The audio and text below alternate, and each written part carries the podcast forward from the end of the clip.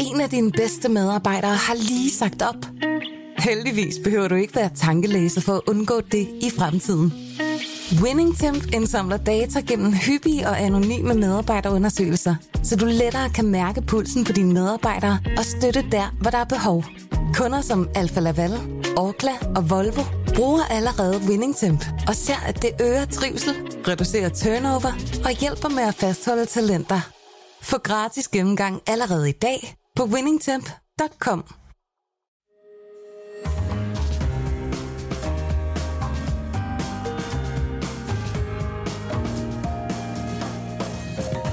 Du lytter til Kampagnesporet, en podcast fra Berlingske. Ja, velkommen til. Det er mig, David Træs og Mads Fuglede og Peter ude i teknikken.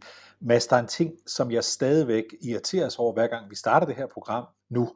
Det er, at vi kun har den lille jingle, og vi ikke har, hvad skal man sige, vores signatur, nemlig at det starter med noget musik. Jeg ved ikke, hvordan du har det.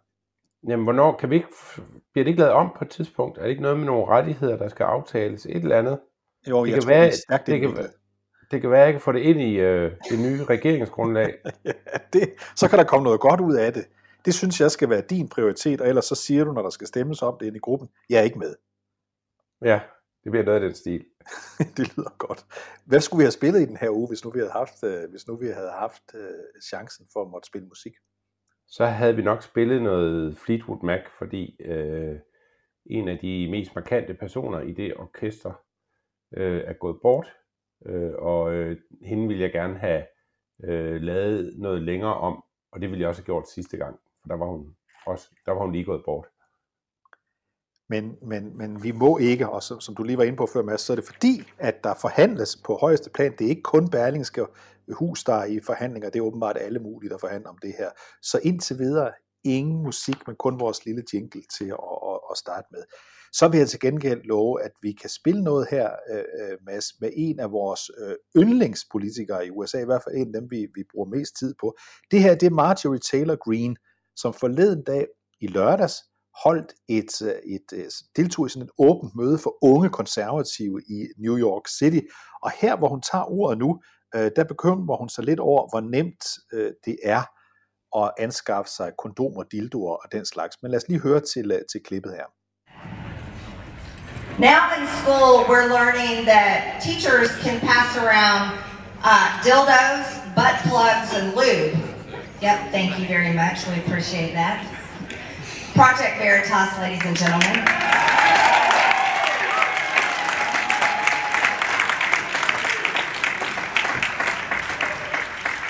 Horrifying. By the way, you can pick up a butt plug or a dildo at Target and CVS nowadays. I don't even know how we got here. Jeg ved simpelthen ikke, hvordan vi landede her, siger Marjorie Taylor Greene, da hun lige har refereret, at man i Target eller i CVS nu kan købe buttplugs eller dildoer. Og du er jo vores sidste vidne fra USA, Mads. Du har lige været i USA. Var du i en Target eller i en CV, CVS? Det var jeg ikke, og jeg faldt ikke i nogle af de andre butikker, jeg var i, over hverken dildo eller buttplugs. Jeg indrømmer også, at jeg ledte ikke efter dem, men de lå ikke op ved kassen, vil jeg sige. Det gjorde de ikke.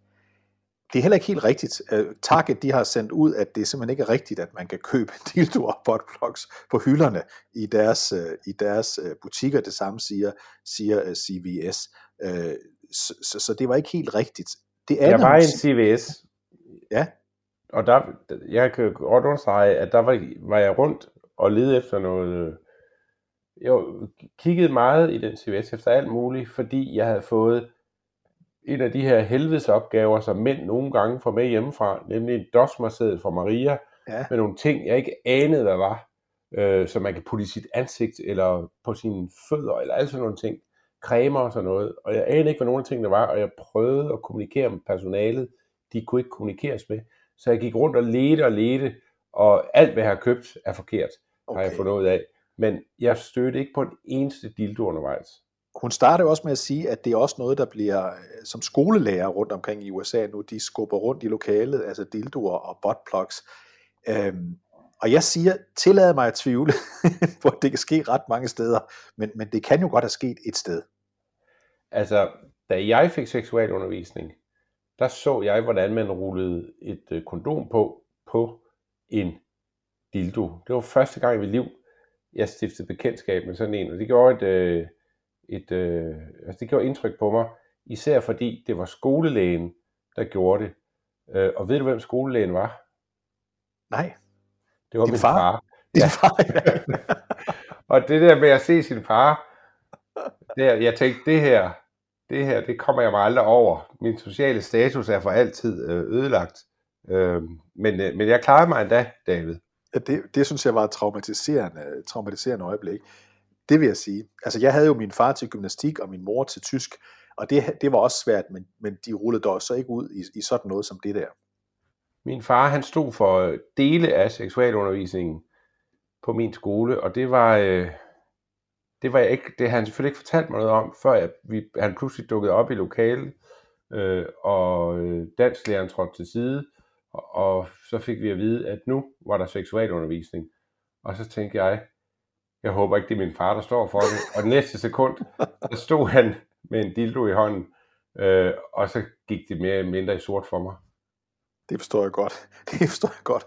Lad os lige skifte til Marjorie Taylor Green igen, fordi til det her arrangement, hvor hun altså talt om dildoer og buttplugs og, og, og andre ting, øh, der er hun ifølge Rolling Stone Magazine, som har øh, som refererer fra mødet, øh, en journalist, der har været der, som har optaget den her sekvens, vi spillede lige før, men altså ikke har optaget på et andet tidspunkt, hvor Marjorie Taylor Green taler om stormløb på kongressen den 6. januar, og hun siger, at hvis det havde været hende og Steve Bannon, der havde stået bag det her arrangement, så siger hun følgende, jeg vil ifølge referatet her, jeg vil gerne fortælle jer noget. Hvis Steve Bannon og jeg havde organiseret det her, så havde vi vundet, og ikke at glemme, vi ville have været bevæbnet.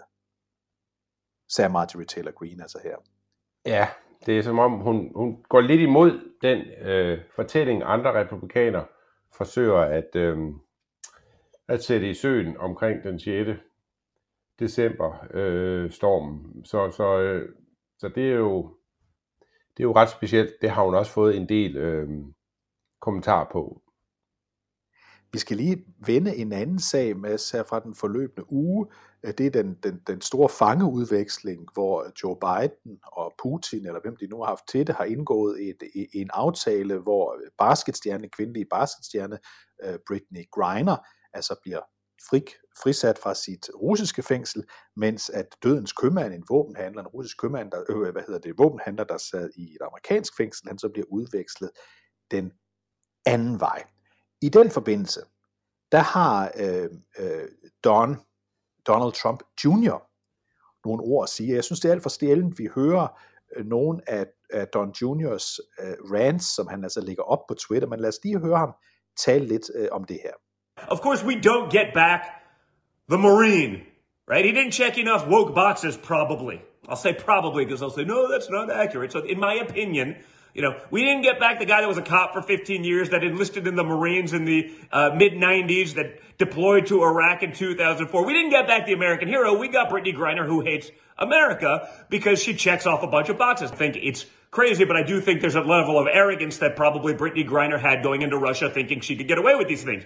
Because in America, as a female celebrity, uh, you know, minority, lesbian, she's probably and can probably felt and probably could actually be above the law, right?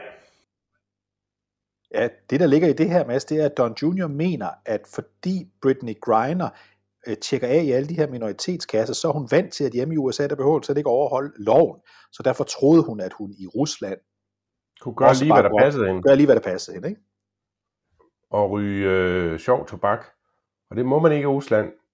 Og russerne arresteret hende, og hun har siddet der i frygtelig lang tid. Og der har været også en omvendt diskussion af det, vi ser øh, øh, Junior give udtryk for her, nemlig at øh, der synes at være en underlig mangel på interesse for hendes situation i USA, og mange sagde, at det skyldes, at hun var på mange måder, at, at hun øh, i, øh, ikke bare var sort, men på andre måder også var en minoritet.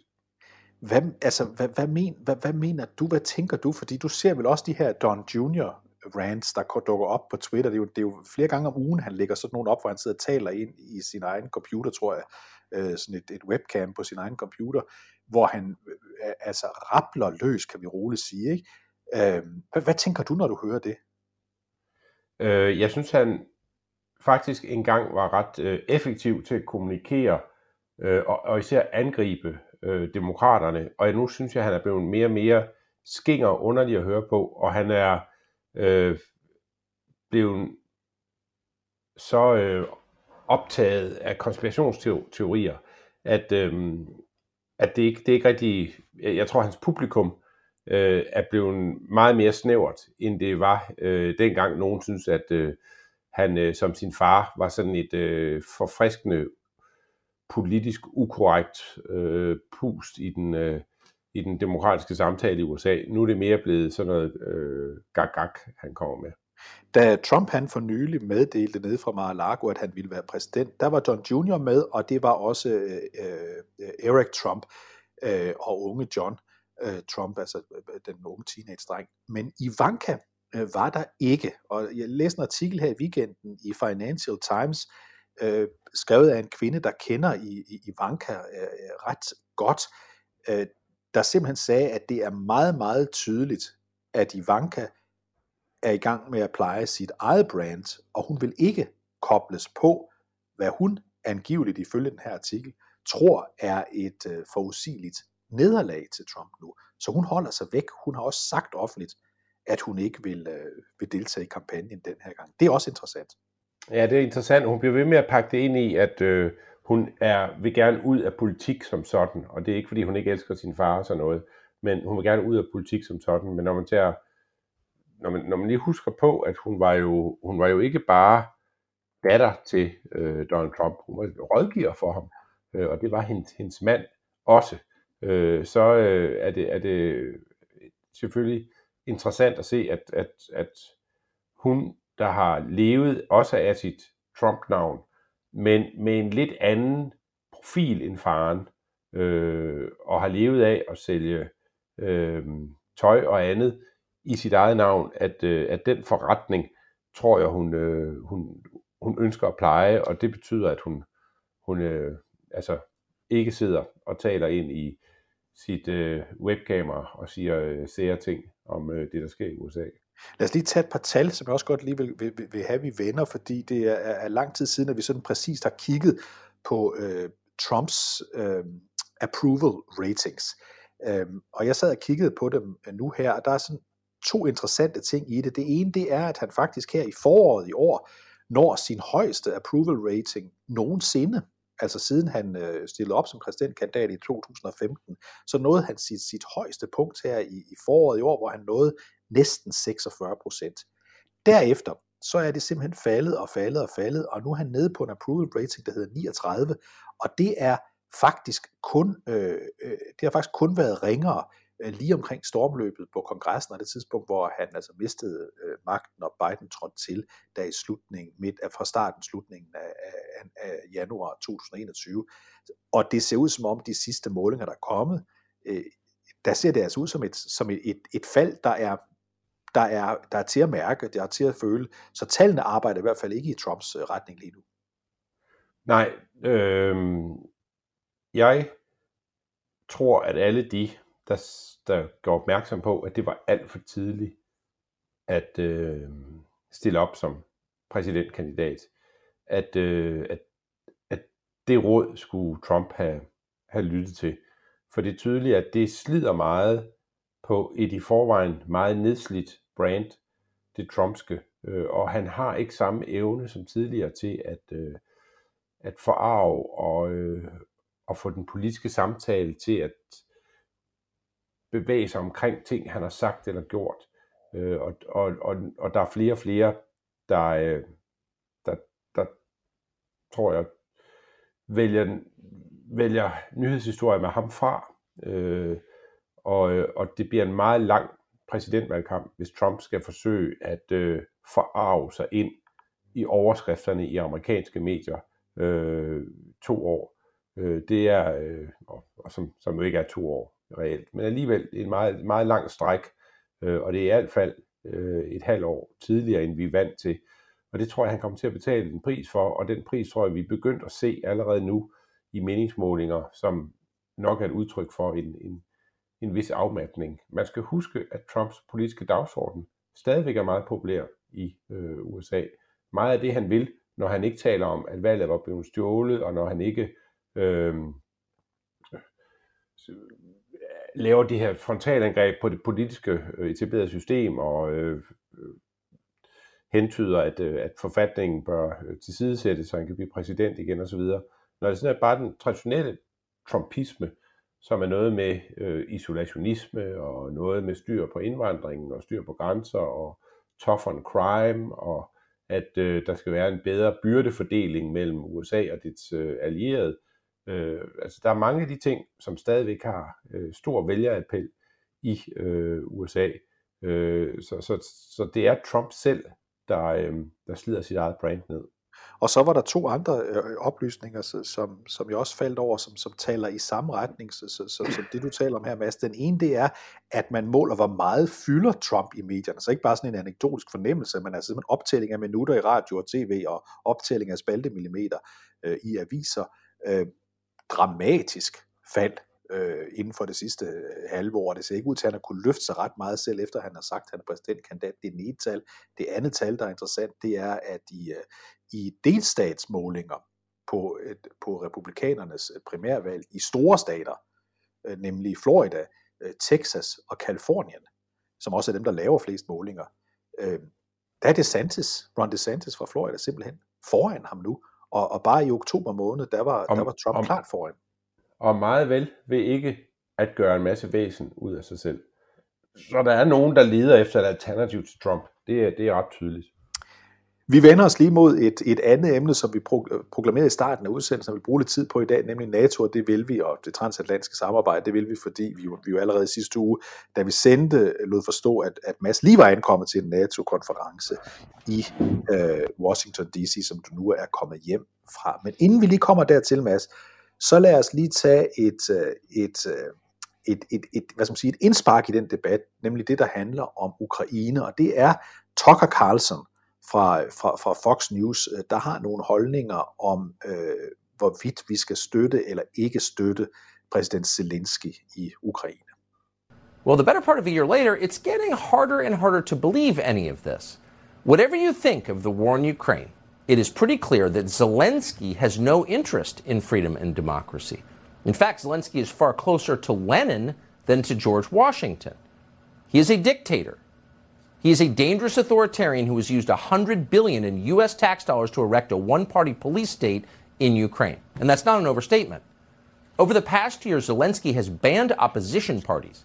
He shut down critical media by force. He's arrested his political opponents He has sent soldiers into churches. Jamen, altså, det er jo en vild øh, omgang, som Tucker Carlson kommer med her om øh, øh Zelensky, hvad skal vi sige, hovedpunktet eller lavpunktet er måske, at han siger, at han minder mere om Lenin end om George Washington. Øh, en øvrigt interessant øh, øh historisk øh, øh, sammenligning. Men, men egentlig stille, spillede jeg bare det her klip for at høre ud fra, hvad du nu hører, når du er sådan en uge i, i, i Washington D.C. Altså er der nogen, der mener det samme som Tucker Carlson, der betyder noget i USA? Øh, det korte svar er nej. Øh, det er der sådan set ikke. Det er lidt interessant, at øh, man var jo lidt nervøs oven på midtvejsvalget, for at se, hvordan ville det nu se ud. Men der er stadigvæk en klar majoritet i det demokratiske parti, og en klar majoritet i det republikanske parti, i hvert fald når vi taler om politikere på federalt niveau, som øh, bakker Ukraine meget op. Begge partier har øh, haft en del kandidater på valg, som var meget kritiske over for øh, støtten til Ukraine. Enten nogen, især hos republikanerne, der var lidt nede af det spor, som øh, Tucker Carlson går meget langt ned af her. Øh, og det, det den holdning møder man simpelthen. Altså, øh, folk ruller med øjnene, når man øh, taler om Tucker Carlson i, i Washington D.C. Men, men det, der var nogle af republikanerne, der havde nogle af de holdninger. Der er ikke rigtig nogen af dem, der blev valgt.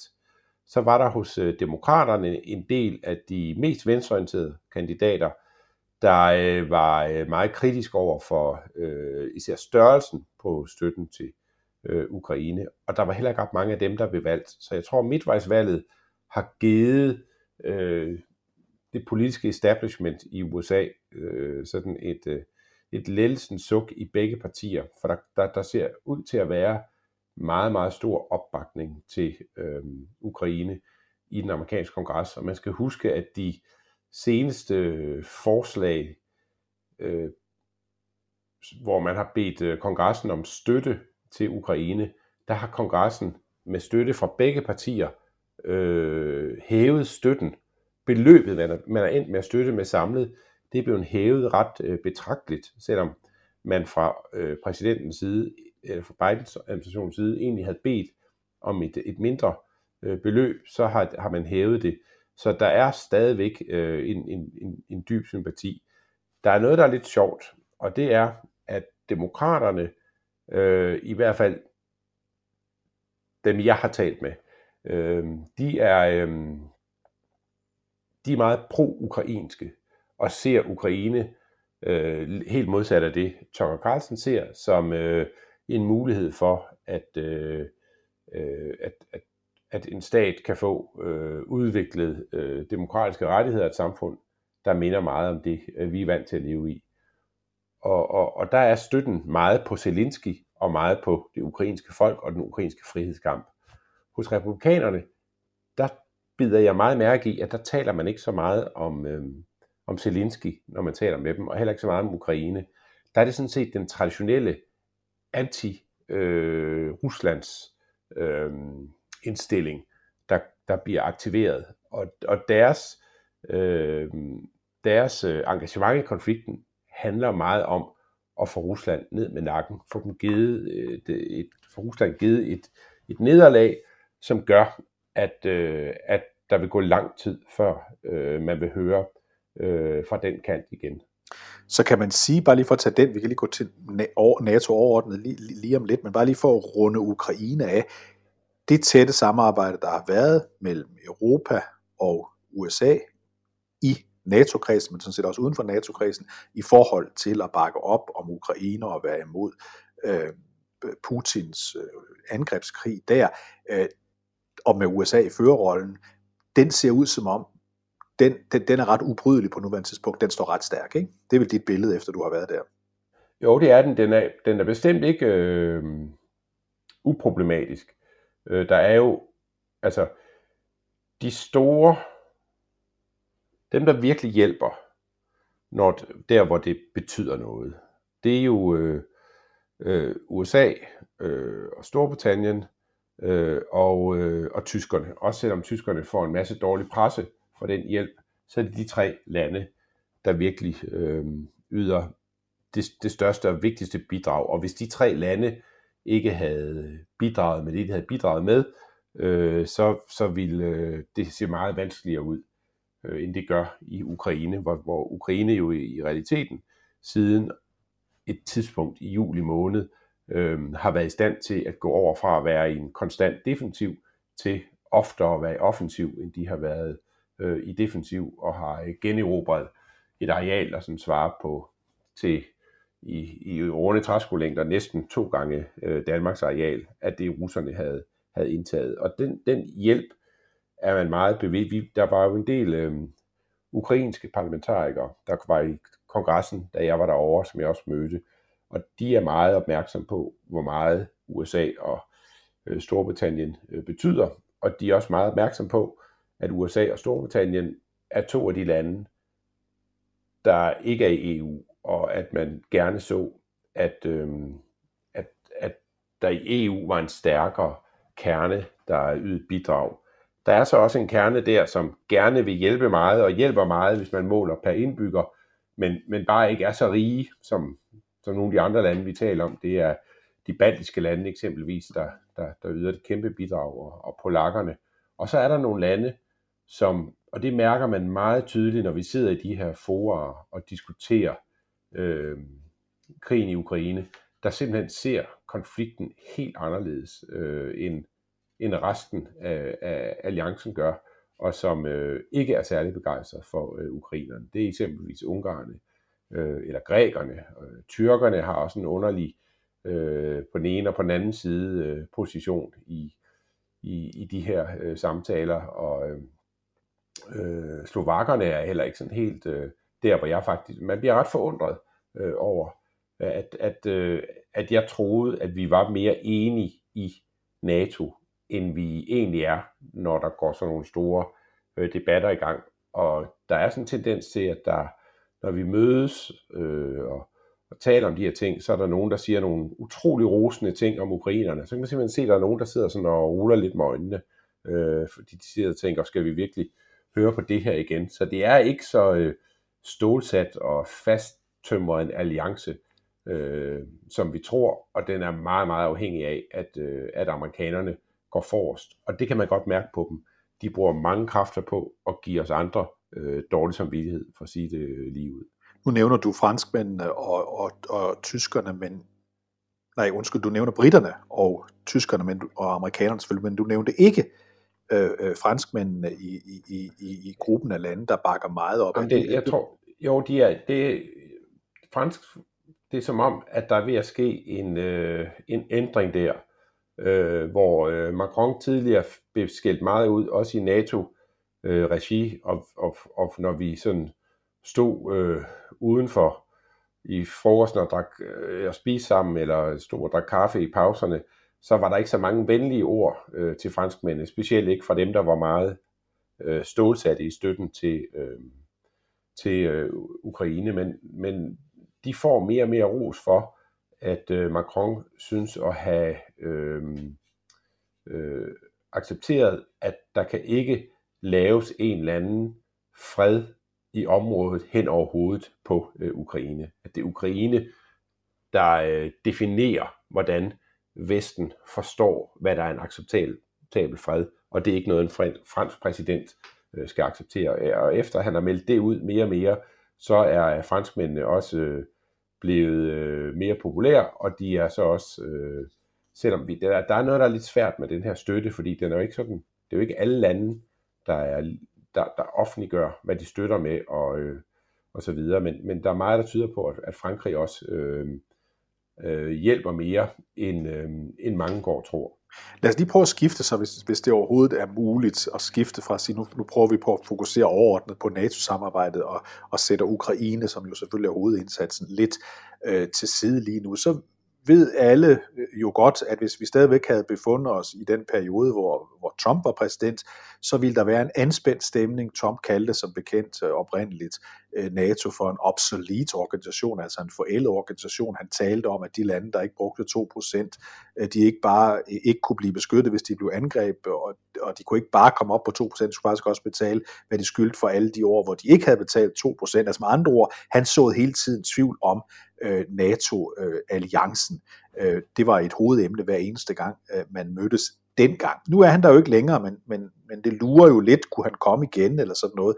Men, men Mads, prøv at beskriv, hvordan stemningen er, øh, når I sidder der parlamentarikere fra alle øh, NATO's øh, medlemslande, plus andre gæster, kongresmedlemmer, hvad ved jeg, øh, er der, er der, er der en, en, en stemning af, at, at, at, at, at, at NATO's hvad skal man sige, eksistens, det behøver vi slet ikke at diskutere længere, ligesom vi skulle for to og tre år siden. Eller er der stadigvæk en nervøsitet i forhold til, hvor USA kunne finde på at bevæge sig hen? Nej, den nervøsitet er nok blevet meget mindre. Øh, og det skyldes jo også, at øh, blandt andet Stoltenberg har været ude at sige, at øh, nu opfatter vi også i Europa 2% øh, ikke bare som vores mål, men det er den nye bund. Altså det vil sige, det er det mindste, man kan bruge på sit eget forsvar for overhovedet at være med i klubben. Øh, og det er der, øh, det, det er der bred øh, opbakning til øh, i øh, uanset hvem man taler med i USA. De, de synes jo, vi har været nogle nasseprinse i alt for lang tid. Det kan man et eller andet sted måske godt forstå, at de synes. Øh, og, og de er glade for, at der ser ud til at, at ske noget nu. De er så ikke så specielt, de er ikke meget imponeret af de mange europæiske lande, der bruger mange år, inklusiv Danmark, til at, øh, at, få, at få indfaset, at man bruger øh, flere penge på, øh, på, sit, på sit forsvar. Men, men man er glad for, at man ikke er der, hvor man var i 2008, 2009 og, og under Trump. Øh, og, og, og det er en ret stærk øh, alliance nu, og, i, og, og så det, der jo virkelig fylder meget, er også, at nu har man fået, øh, lige om lidt, så, så får vi jo Sverige og Finland, der bliver en del af alliancen. Øh, det, er, det siger alle, øh, at selvom tyrkerne øh, stadigvæk øh, forsøger at få en eller anden handel slået af øh, på bekostning, øh, for, for, eller for, for at man kan få deres stemme til det, øh, så, øh, så, så, så er det det, der kommer til at ske.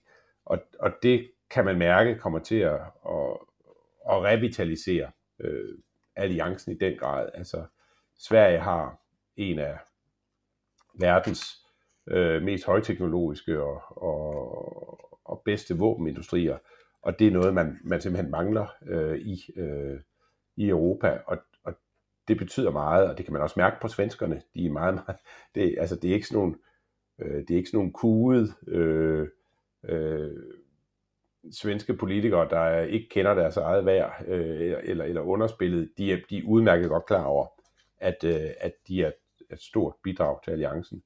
Øh, Finderne var ikke med i den her omgang, og det skyldes, at, øh, at de havde øh, noget, en selvstændighedsdag, de skulle, de skulle fejre midt i det hele. Øh, men, men jeg har jo været med til andre møder med finderne, og, og finderne er også meget bevidste om, at det de øh, bidrager med, er et, øh, et enormt forsvar, som øh, andre lande i Europa overhovedet ikke øh, kan matche.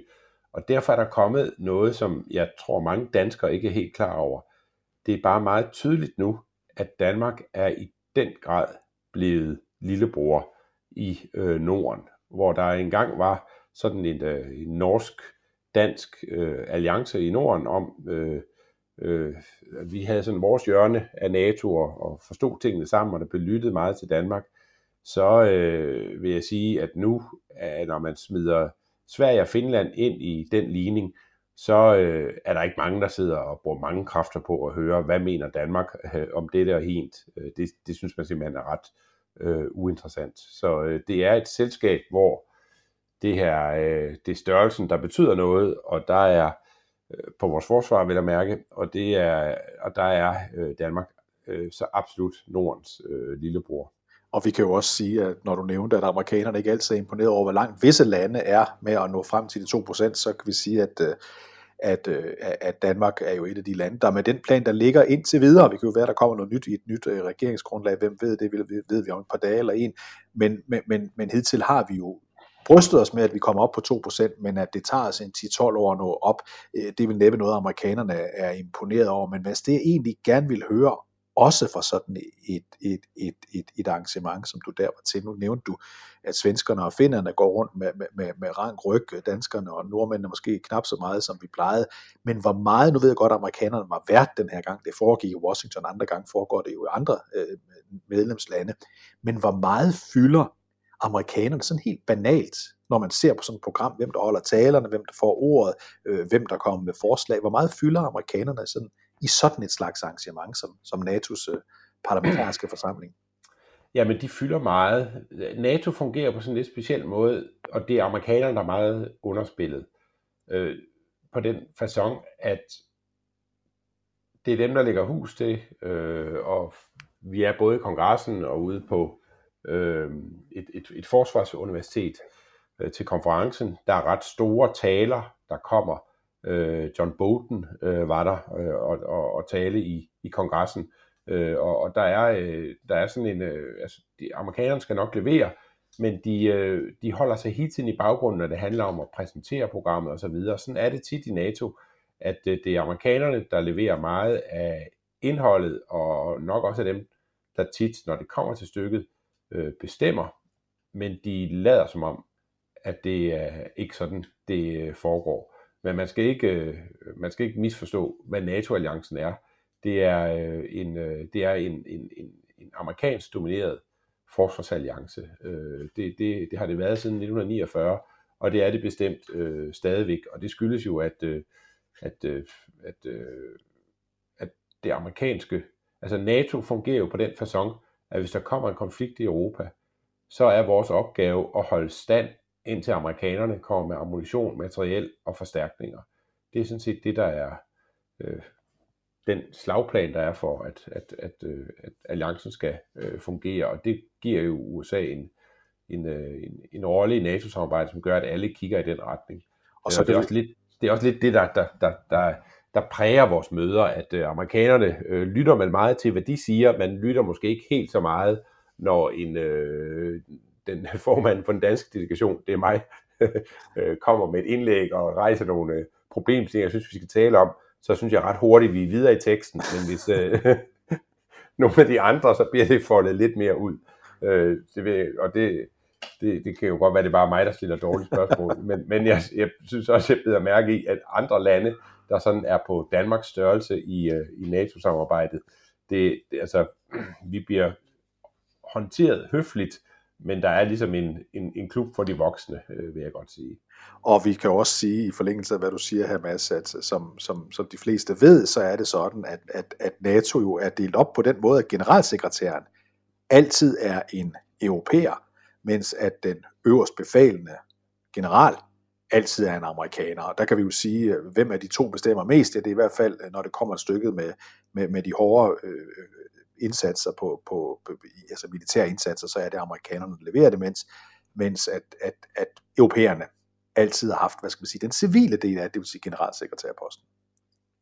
Ja, ja, men der, altså, NATO er, er jo sådan et spejl af sine medlemslande, og alle medlemslandenes forsvar er også et spejl af de samfund, de, de, øh, de repræsenterer, og ingen er i tvivl om, at, øh, at, at USA er dem, der har mest materiel isenkram, og øh, også i lange stræk øh, erfaring, og det, det giver jo dem en, øh, en, en, en, en naturlig dominans, som de er som de gør alt, alt hvad de kan for ligesom at, at, at underspille. Øhm, men det skinner jo alligevel igennem. Mads, lad os skifte emne her til allersidst, fordi øh, der skete jo også noget i senatet, faktisk mens du var i USA, tror jeg det var, eller var det lige efter, øh, nemlig det, at lige som vi havde siddet i sidste udsendelse og fortalt, at at, øh, at øh, det stod nu 51, 49, 51 demokrater, 49 øh, republikanere, senatsvalget var, var overstået, så er der pludselig en af de genstridige øh, demokrater, om jeg så må sige, ikke Joe Manchin i West Virginia, men Kirsten Sinema nede fra Arizona, der pludselig ud af det blå meddeler, at hun ikke længere er en del af demokraternes senatsgruppe. Hun er uafhængig. Det skal vi så lige huske på. Det er hun ikke den eneste i senatet, der er. Men alligevel noget af en melding, Mads, ligesom Biden, om jeg så må sige, kunne sole sig i, at det var gået godt ved senatsvalget, så kommer hun på banen og siger, at hun trækker sig nu fra øh, det demokratiske caucus, som det hedder. Ja, og blevet, øh, øh hun er ikke blevet en republikaner, hun er blevet uafhængig. Øh, og det, øh, jeg, jeg tror, det er øh, vigtigt at lige understrege den sammenhæng, at hun er ikke særlig populær internt i det demokratiske parti i Arizona. Øh, og, og det øh, har nok haft en stor indflydelse på hendes måde at, at håndtere det på. Og der er de fleste politiske kommentatorer i, i USA, de øh, siger, at det her er mere et øh, cinema-problem, end det er et øh, demo, problem for demokraterne. Lad os lige høre, Mads, et, et, et klip, hvor hun faktisk bliver interviewet øh, hos øh, CNN af Jake Tapper, øh, der netop handler om noget af det her med, hvordan hun egentlig står øh, hjemme i øh, Arizona. Det er først Jake Tapper, der stiller spørgsmål, og så kommer hun på. You're up for re-election in 2024. Uh, this move means, I suppose, that you're not going to be running in the Democratic primary for the Senate seat? Well, I, again, I know this will probably be disappointing to folks, but I'm actually not even thinking about electoral politics or talking about that at all right now. But doesn't this increase the likelihood that your run for reelection will be tougher because you will not only have a Republican opponent, you may even have a Democratic opponent? You know, I don't make decisions based on what the easy road or the tough road is. I have always tried to make decisions based on what I think is right. And for me, it's very important that we have a discussion at home in Arizona and here in the nation's capital about reducing the partisanship and just focus on solving the challenges that we face in America. The challenges we face are great. They're significant. We cannot solve them by using partisan attacks. We cannot solve them through a partisan lens. And I want to be a part of having that discussion of, and showing that there is a different way. Would you ever run for president? No. Never. I don't want to be president. Jamen til sidst, det har jeg slet ikke tænkt over, da jeg hørte klippet først, men der kan jeg jo godt høre, at hun lyder jo næsten som et medlem af Socialdemokratiet, Venstre eller Moderaterne, øh, fordi hun taler om, at vi skal ophæve alle grænser for normal politik. Men det var egentlig ikke det, jeg ville, ville, ville ind på. Det er det, hun siger først. Jeg har overhovedet ikke tænkt over mit genvalg. Jeg tænker overhovedet ikke på det. Øh, jeg tænker kun på, hvad der er godt for Arizona. Øh, men det er en sandhed med modifikationer, fordi vi ved, som du var inde på lige før, at hendes popularitet hjemme i det demokratiske parti i Arizona, den er virkelig for nedadgående.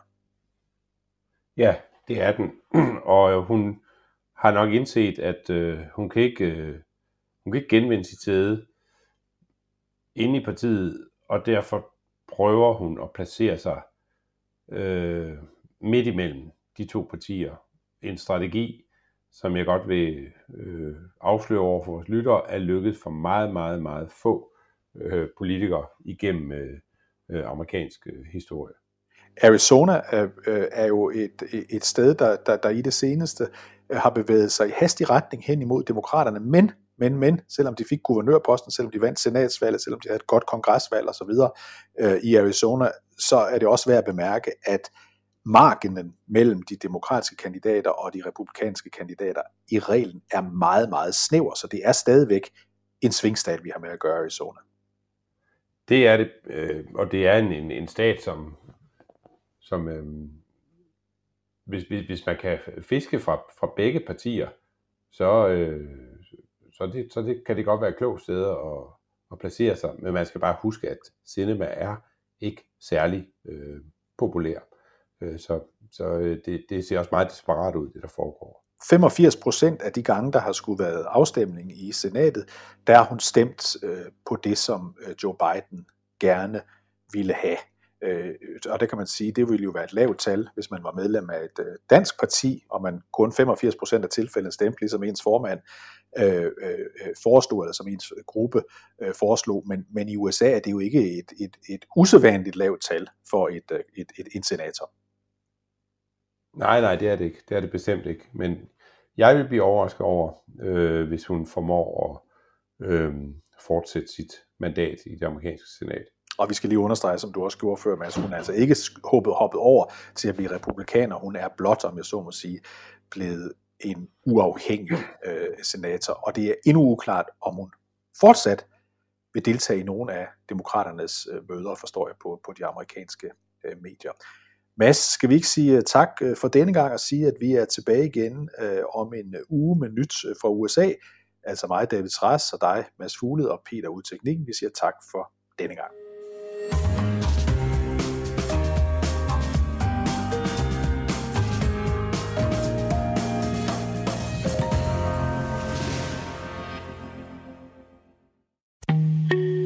En af dine bedste medarbejdere har lige sagt op. Heldigvis behøver du ikke være tankelæser for at undgå det i fremtiden. WinningTemp indsamler data gennem hyppige og anonyme medarbejderundersøgelser, så du lettere kan mærke pulsen på dine medarbejdere og støtte der, hvor der er behov. Kunder som Alfa Laval, Orkla og Volvo bruger allerede WinningTemp og ser, at det øger trivsel, reducerer turnover og hjælper med at fastholde talenter. Få gratis gennemgang allerede i dag på winningtemp.com.